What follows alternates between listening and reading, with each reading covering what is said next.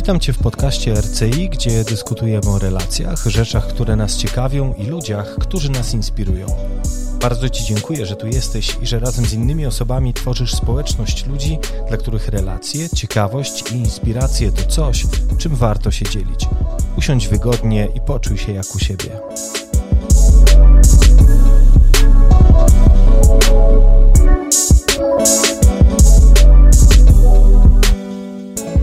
Temat, który dzisiaj poruszę, to jedno z moich największych i najbardziej wartościowych odkryć. Y, to jest jedna z tych rzeczy, która potrafi otworzyć oczy tak szeroko, że może totalnie wpłynąć nie tylko na postrzeganie jakiegoś konkretnego aspektu rzeczywistości, ale na postrzeganie naprawdę wielu rzeczy, które są wokół nas.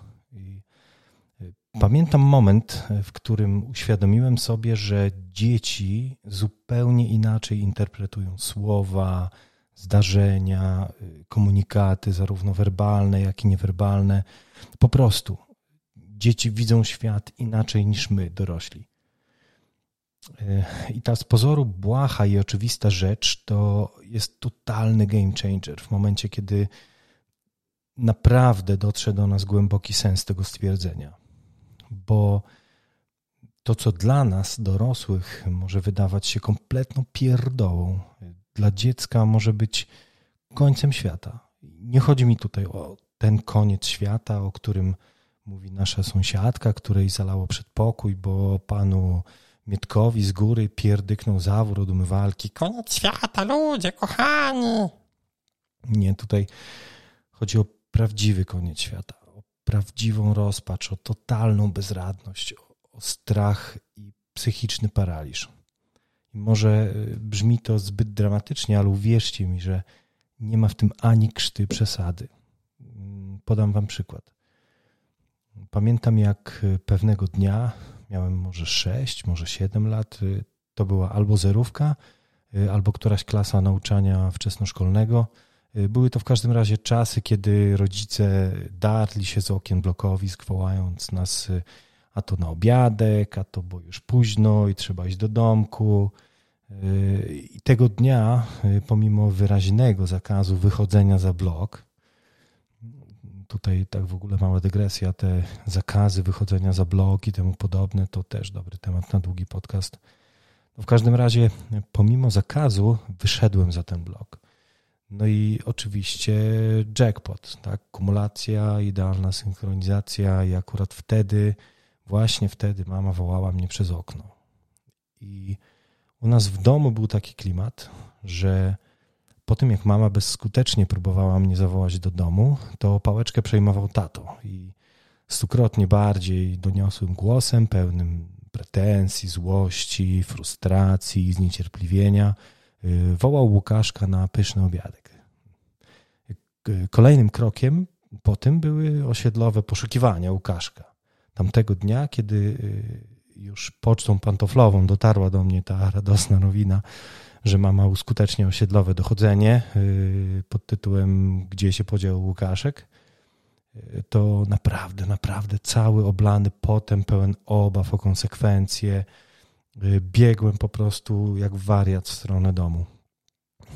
I jak już wybiegałem za takiego starego płotu, y, w tym takim amoku emocji, wpadłem na jakąś panią, która połączyła najwyraźniej fakty na tyle, żeby zorientować się, co jest tutaj grane, i, i postanowiła pomóc mojej mamie, stosując wobec mnie taki jakże słodziutki i niewinny psychologiczny triczek stanęła nade mną i pełnym powagi i przejęcia głosem wyartykułowała takie oto słowa.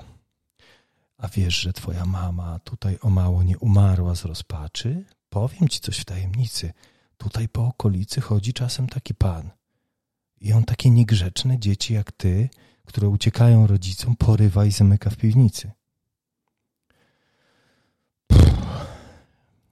No jak dzisiaj o tym myślę, będąc wyposażony w kontakt ze swoimi emocjami z tamtego dnia i wiedzę na temat tego, jak nasze dzieci interpretują to, co do nich mówimy i co robimy, to niestety pierwsze, które, pierwsze, co mi się włącza, to jest taki film jak ja, dorosły Łukasz, y, super bohater w purpurowej pelerynie, wjeżdżam w tą panią z dwóch nóg ciosem karate, biorę pod pachę małego mnie i wlatuję z całym tym ładunkiem do jakiejś krainy empatii, wstrzykuję temu dziecku po prostu amnezję wpłynie, tak?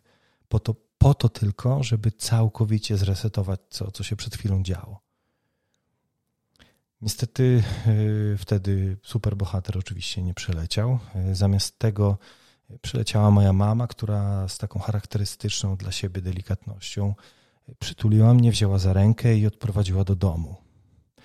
Y, natomiast pani Mądralińska poszła w swoją stronę w głębokim przekonaniu spełnienia swojej obywatelskiej powinności wychowawczej, podszytej oczywiście wspaniałymi intencjami, i w przekonaniu o tym, że e, zapewniła moim rodzicom spokój przynajmniej na jakiś czas. No i kurde bingo, nie? Zapewniła im spokój na długie lata. Tej nocy myślałem tylko o jednym, mianowicie o tym, że, że mało nie zaciukałem własnej mamy. Że literalnie mało jej nie zabiłem. Cały czas dźwięczały mi w głowie słowa tej pani – a ty wiesz, że twoja mama o mało nie umarła z rozpaczy? Wisienką na torcie mojej rozpaczy, mojej niepewności i mojego strachu było przerażenie.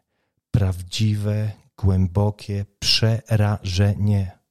Na myśl o, o tym panu, który to, jeśli jeszcze raz wyjdę za blok, to porwie mnie i zamknie w pizdu w tej piwnicy. I pomimo tego, jak bardzo dorosłym wydaje się to niedorzeczne, że wierzę w jakiegoś wyssanego z palca króla piwnicy, władcy osiedlowych podziemi, to dla mnie był on tak samo realny, jak ta pani, która mi o nim powiedziała. Nikt wcześniej nie powiedział mi, że dorośli mogą kłamać, że mogą gadać pierdolety, które z rzeczywistością nie mają nic wspólnego, że mogę powiedzieć: Nie chcę z panią rozmawiać, proszę ode mnie odejść. I wreszcie nikt tej pani nie uświadomił, że takie słowa wypowiedziane w taki sposób i w takiej sytuacji mogą przywrócić świat dzieciaka do góry nogami. Na, naprawdę na bardzo długo, jak nie na całe życie. I od tamtej pory y, moi rodzice mieli totalny spokój, jeżeli chodzi o moje przebywanie w zasięgu ich wzroku. Y, no, ja natomiast miałem totalny niepokój za każdym razem, gdy uświadamiałem sobie, że któryś z rodziców mnie nie widzi momentalnie pojawiał się strach o życie mamy i strach o samego siebie w perspektywie bycia zamkniętym w piwnicy. No bo jak już władca podziemi zamknie mnie w piwnicy, no to mama na bank już wykituje, tak? No bo nie znajdzie przecież mnie przez kilka dni. I nieprawdą jest, nieprawdą jest, jak myślą pewnie niektórzy, że w momencie, kiedy dziecko dojrzewa do takiego wieku, że poznaje yy, metaforyczny wydźwięk słów y, mama o mało nie umarła z rozpaczy, czy też y, zaczyna do niego docierać, że raczej żaden pan po osiedlu nie chodzi, to ten ogromny impact tych przekonań z dzieciństwa w jakiś magiczny sposób się rozpływa w przestrzeń. Tak? No nieprawda. Strach przed idącym za mną człowiekiem po zmroku pozostał ze mną aż do dorosłości ciągła, obsesyjna obawa o stan emocjonalny mojej mamy i poczucie winy, że większość tego, co to przecież przeze mnie. To wszystko też się ciągnęło za mną długie lata. I dlaczego o tym mówię? Mówię o tym dlatego, że jednym z moich największych marzeń jest to, żeby relacje dorosłych z dziećmi opierały się na poczuciu bezpieczeństwa, zaufania, zrozumienia, i miłości, a nie na zastraszaniu, na terrorze, na zakazach, na nakazach, na karach, na oczekiwaniach, na posłuszeństwie, na przymusie. Między innymi właśnie dlatego powstał projekt RCI. I uwaga, bardzo ważna sprawa, bardzo ważna sprawa. Ja nie oceniam rodziców. Nie chcę oceniać rodziców. Sam jestem rodzicem, wiem jakie to trudne. Wiem, że sami wleczemy za sobą tony syfu, które sprawiają, że nie widzimy wielu rzeczy albo nie potrafimy ich zobaczyć, bo nie mamy kontaktu z pewnymi narzędziami. Mi się po prostu marzy świat, w którym my, jako rodzice, jako dorośli, poszerzamy swoją świadomość pewnych rzeczy. Właśnie pomimo tego, że jest to niewygodne, że jest to niezgodne z naszym programem, że nasz autopilot cały czas obiera kurs na to, co znamy, na to, co w naszym mniemaniu działa i jest dobre dla nas i, i dla naszych dzieci, ale w rzeczywistości niestety nie jest. Ja, ja głęboko wierzę w to, że warto, że warto zatrzymać się choć na chwilkę nad tym, co mówimy do dziecka, na chwilkę wejść w jego skórę i zdać sobie sprawę, że ono może totalnie inaczej, totalnie inaczej interpretować to, co robimy i to, co mówimy. I może nawet przypomnieć sobie, co my sami czuliśmy jako dzieciaki, kiedy najbardziej się baliśmy, kiedy, kiedy najbardziej się wstydziliśmy i, i czy przypadkiem powody tego strachu czy wstydu nie wydają się nam dorosłym z perspektywy błahe i śmieszne. A jeśli tak jest, no to, no to mamy tu jakiś dysonans poznawczy. Dysonans pomiędzy tym, jak interpretowaliśmy kiedyś dane zdarzenie lub słowa, a tym, jak widzimy to dziś. I ja się naprawdę codziennie uczę tego, żeby widzieć dziecko jako dziecko, żeby traktować dziecko jak dziecko, żeby nie mówić małemu dziecku rzeczy, które ono naprawdę bierze dosłownie. No to pa, jak nie chcesz iść, to mamusia z tatusią idą bez ciebie. Czy ty mnie do grobów pędzisz? A czego ty płaczesz? Co ty głupia jesteś? Daj spokój. Z tobą to wiecznie problemy. Jeśli nie zjesz, to już nigdy nic nie dostaniesz do jedzenia. Będziesz tu siedzieć tydzień, rozumiesz? Ostatni raz ci wybaczam. Moja Kasia y, opowiadała mi kiedyś o pewnej pani psycholog, która zorganizowała dzieciakom cudowne doświadczenie. Położyła na stole diament lub coś na kształt diamentu raczej Dzieci podchodziły do diamentu i po kolei kładły na niego chusteczki, za każdym razem mówiąc słowa, które ranią. Nienawidzę cię. Pierwsza chusteczka. Jesteś niegrzeczny. Druga chusteczka. Z tobą się nie da wytrzymać. Trzecia chusteczka. Już nigdy ci nie zaufam. Kolejna i kolejna i kolejna. I potem dzieciaki podchodziły i zdejmowały chusteczki jedna po drugiej, mówiąc tym razem słowa, które zbliżają, wzmacniają, dają poczucie bezpieczeństwa i bycia kochanym. Nie szkodzi, każdemu się zdarza. Jedna chusteczka mniej. Bardzo Cię kocham. Druga chusteczka. Jesteś dla mnie ważna. Trzecia chusteczka. Powolutku, ja poczekam. Kolejna i kolejna i kolejna.